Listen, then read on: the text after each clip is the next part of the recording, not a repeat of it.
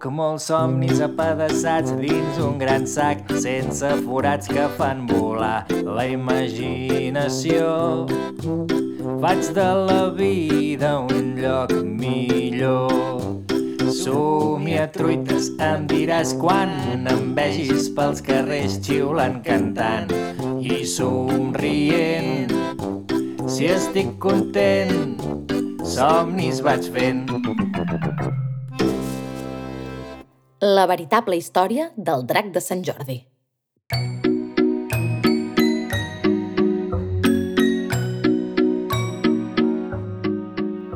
A l'escola estaven entusiasmats. Aquest any els tocava preparar la llegenda de Sant Jordi. Farien una obra de teatre i calia que repartissin els papers. La mestra els havia dit que farien un càsting per a cadascun dels personatges. Els caldria algú que narrés la història.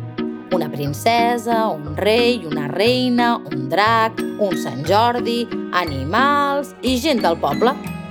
L'Èlia era de les més teatreres de classe i tenia unes ganes boges de presentar-se per fer el paper de drac. A l'hora del pati practicava com es mouria, com trauria foc pels queixals, com volaria i la veu greu i profunda que faria. La Malena volia fer de princesa i tenia pensat que provaria una cosa nova. Aniria fins a la cova del drac cantant una cançó per provar de convèncer-lo que no se la mengés. Però en Jordi no hi estava d'acord. Ell es volia presentar com a cavaller. Això es deia Jordi.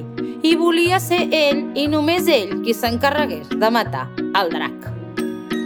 Es va encetar un fort debat sobre si calia fer la llegenda de Sant Jordi tal i com s'explicava tradicionalment des de feia anys i panys, o valia la pena afegir-hi alguna modificació per fer-la més entretinguda i original.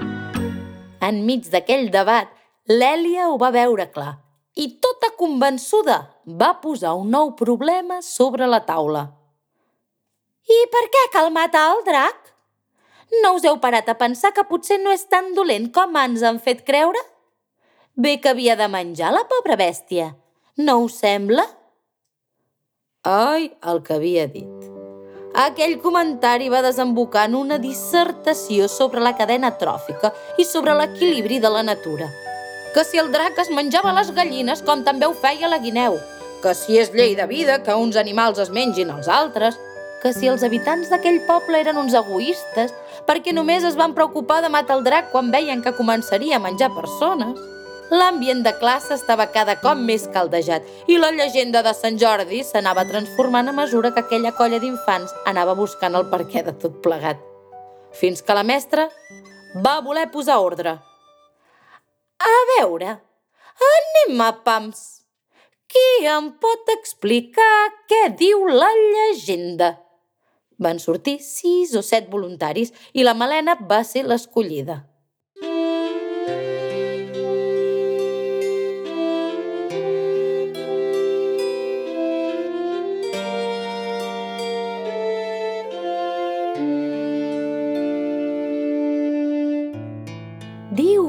Conten que al poble de Montblanc un dia va arribar volant un drac ferotge i afamat.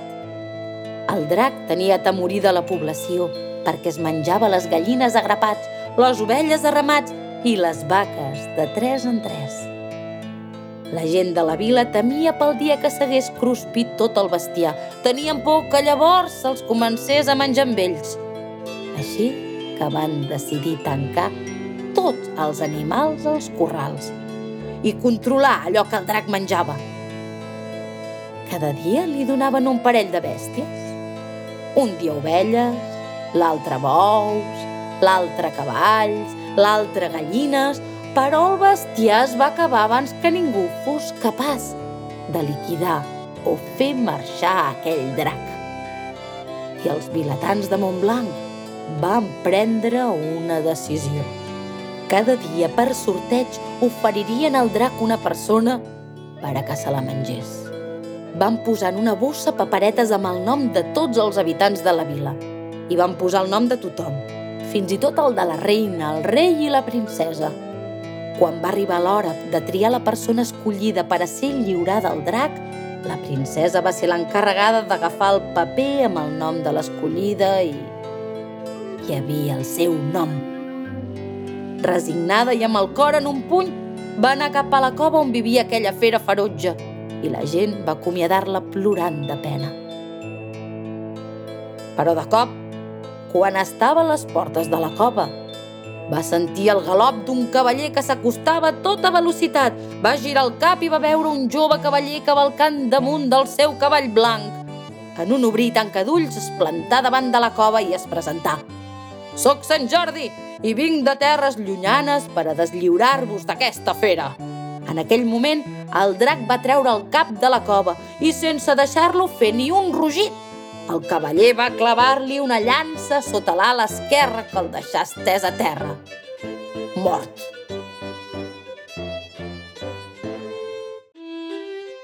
De la sang que sortí de la ferida en naixia un roser de roses vermelles.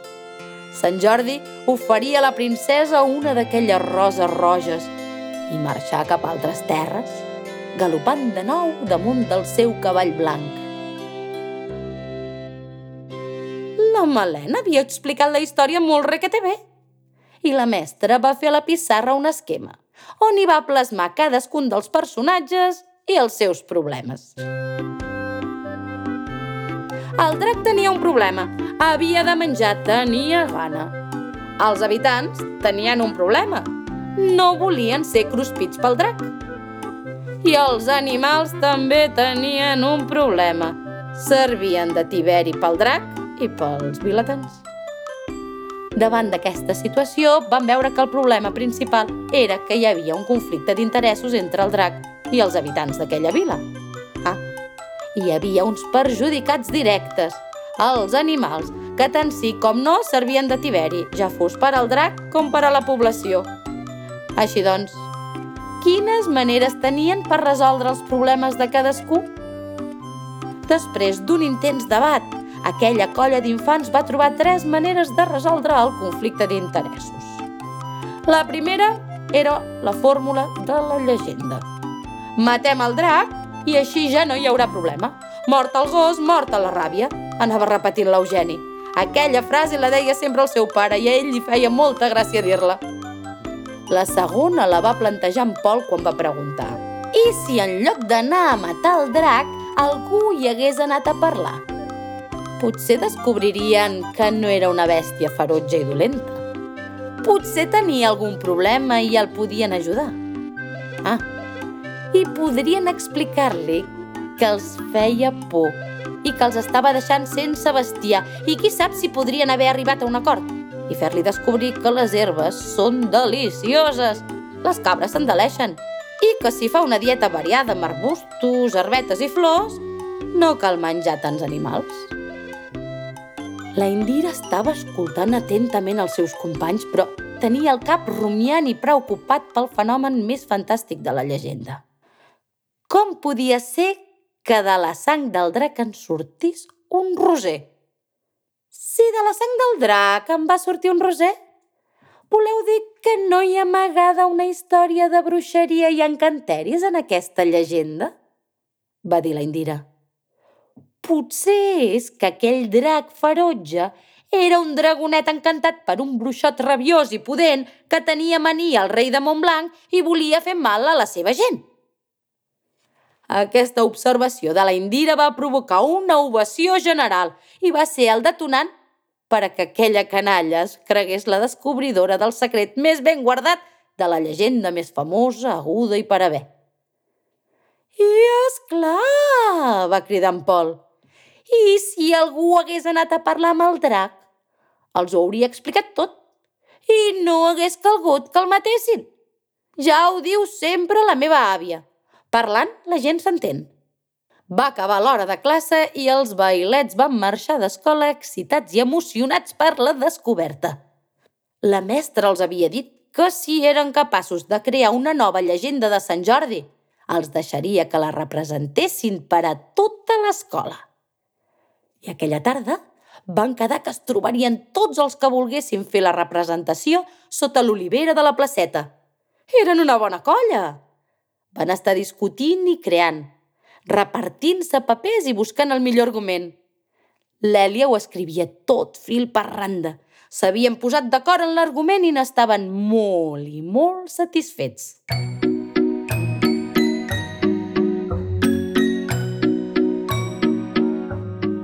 Ja estava caient la tarda i era hora d'anar a sopar. La mainada s'estava acomiadant quan van veure arribar, caminant lentament, en somiatruites. Estava trist. Se li veien els ulls i en el posat, capcot i encongit. No semblava el gegant dels somnis. Caminava sense mirar lloc i ni tan sols els va veure.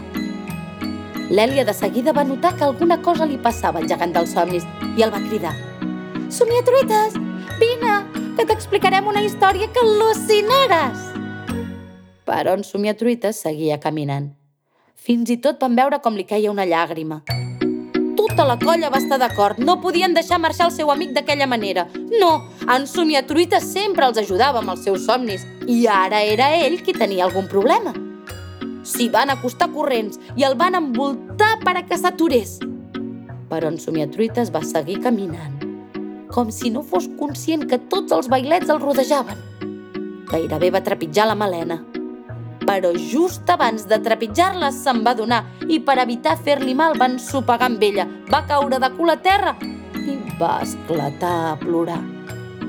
Aquells bailets no sabien massa bé què fer i van preguntar-li què li passava. En Somiatruites els ho va explicar entre sanglots. Havia sortit a passejar pel bosc, com feia sovint, quan de sobte, de darrere d'uns arbustos, li havien aparegut dos caçadors armats fins a les dents, que en veure'l s'havien espantat tant que havien començat a disparar a tort i a dret. En Somiatruites havia fugit corrents mentre els dos caçadors enrabiats el foragitaven a trets. Segur que no eren del poble, ni de les contrades veïnes, perquè per aquelles terres ningú volia fer cap mal en somiatruites. Qui sap? va dir l'Èlia. Potser s'han pensat que en somiatruites es volia menjar els porcs senglars que ells volien caçar o... Simplement s'han espantat i en lloc de preguntar en somiatruites qui era, han donat per fet que era una fera ferotge.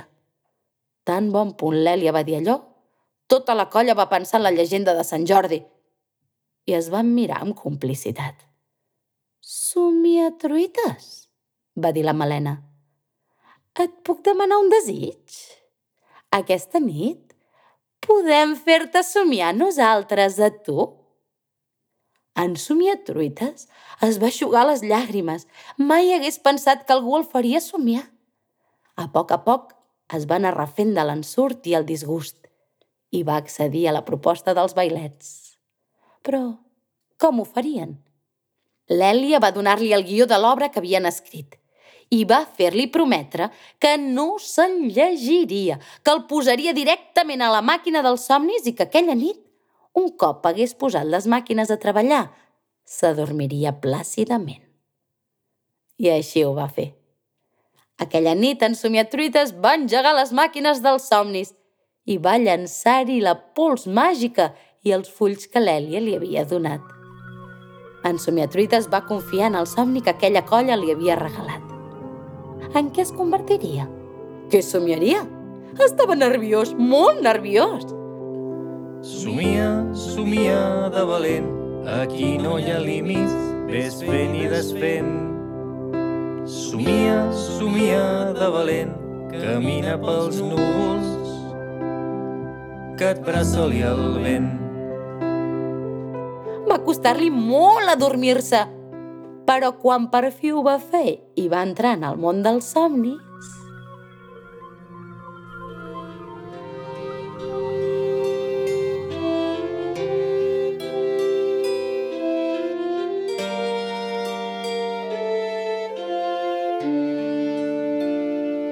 En Somiatruites s'havia convertit en un drac verd i lluent, un drac gros i corpulent que estava afamat, molt afamat. Feia dies que buscava una cova on aixoplugar-se perquè tenia una ferida sota de l'ala esquerra.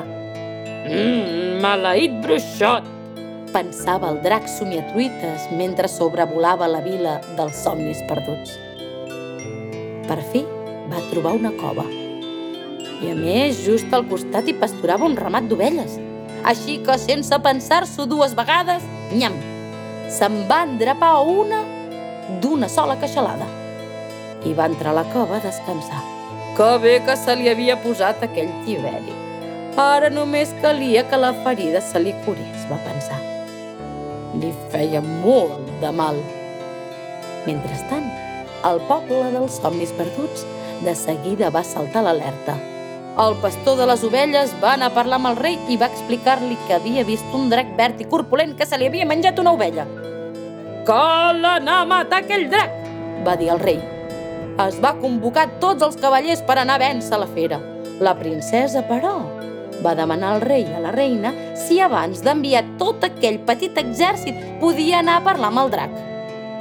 El rei no ho veia clar però tant i tant va insistir la noia que la reina hi va accedir i se n'hi va anar. Quan va arribar a la cova, va trobar-se el drac fent la digestió i grinyolant, amb uns grunys que feien espaordir. Es va acostar a poc a poc fins a la fera i va parlar-li suaument, a cau d'orella. Digue'm, drac, què t'ha dut fins aquí? El drac va fer un gruny de dolor i va aixecar l'ala esquerra. La noia llavors va veure com a sota l'ala i tenia clavada una branca plena d'espines. Era una branca de roser. Vet-ho aquí per què aquell drac feia aquells crits que deixaven a tothom atemorit. La princesa va estirar-li la branca amb molta i molta força i el drac somiatruites va cridar tant, tantíssim, que baix al poble tothom es va pensar que la fera se l'havia cruspit i cridava de delit. Però el cert és que la princesa va aconseguir treure aquella branca plena d'espines de sota l'ala del drac. De la sang que en va sortir, va créixer un roser preciós. I el drac gros i corpulent va deixar de grunyir i amb el cap verd i lluent va acariciar la noia en senyal d'agraïment. La princesa va fer-li una abraçada i un petó i aquell drac va esclatar en una pluja de confeti i serpentines i va convertir-se en un cavaller. En el seu cavaller! Era el cavaller de les paraules boniques, l'únic cavaller del món mundial que en lloc de lluitar amb espases lluitava amb poesia, glosa, contes i cançons. La princesa i el cavaller de les paraules boniques feia temps que estaven enamorats, però el rei no deixava que es casessin perquè deia que aquell cavaller no sabia lluitar ni en tenia de guerres. El rei i la reina, que ja pensaven que aquella fera s'havia menjat la princesa, van córrer cap a la cova del drac amb tot el poble en comitiva, armats fins a les dents i quan van arribar-hi es feien creus del que veien els seus ulls. La gent del poble de seguida va pensar que el cavaller de les paraules boniques havia matat el drac. Però el rei prou que sabia la veritat. I avergonyit, va abraçar la princesa i va demanar-li perdó. Va admetre que no volia que es casés amb el cavaller de les paraules boniques sinó amb un príncep guerrer o amb un furiós cavaller. Per això havia demanat al bruixot de les muntanyes que fes un encanteri al cavaller de les paraules boniques i el convertís en un drac ferotge, a veure si així aprenia a lluitar amb la força i la fúria dels dracs.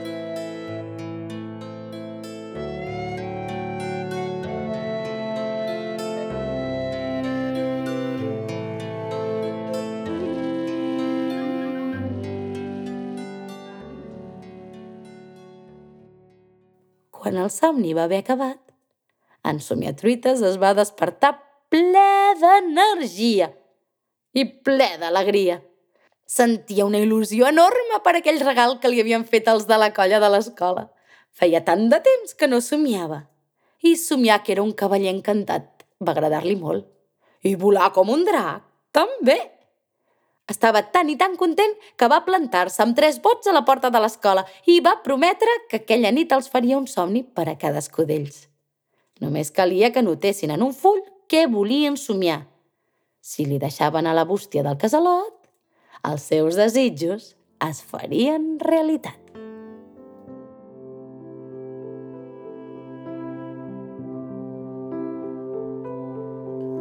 Somia, somia de valent, aquí no hi ha límits, ves fent i desfent. Somia, somia de valent, camina pels núvols, que et braça-li el vent. I fins aquí l'aventura d'avui. I recorda, somia, somia de valent. Tu no t'aturis, ves fent, que amb il·lusió causaràs sensació i faràs de la vida un món millor.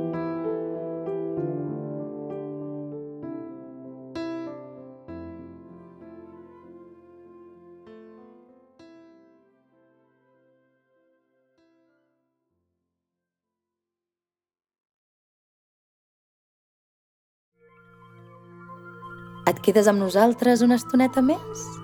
Perquè ara és l'hora de crear la teva pròpia història.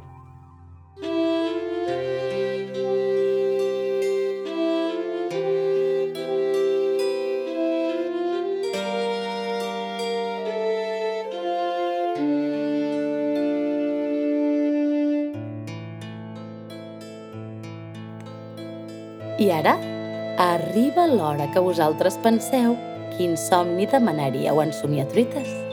Esteu preparats? Voleu que sigui una història de dracs, princeses i cavallers? O potser preferiu que hi surtin altres personatges? Doncs, inflem el globus de la panxa agafant aire amb el nas, el traiem pel nas a poc a poc i relaxem tot el cos per a començar a imaginar quin somni voldríem somiar.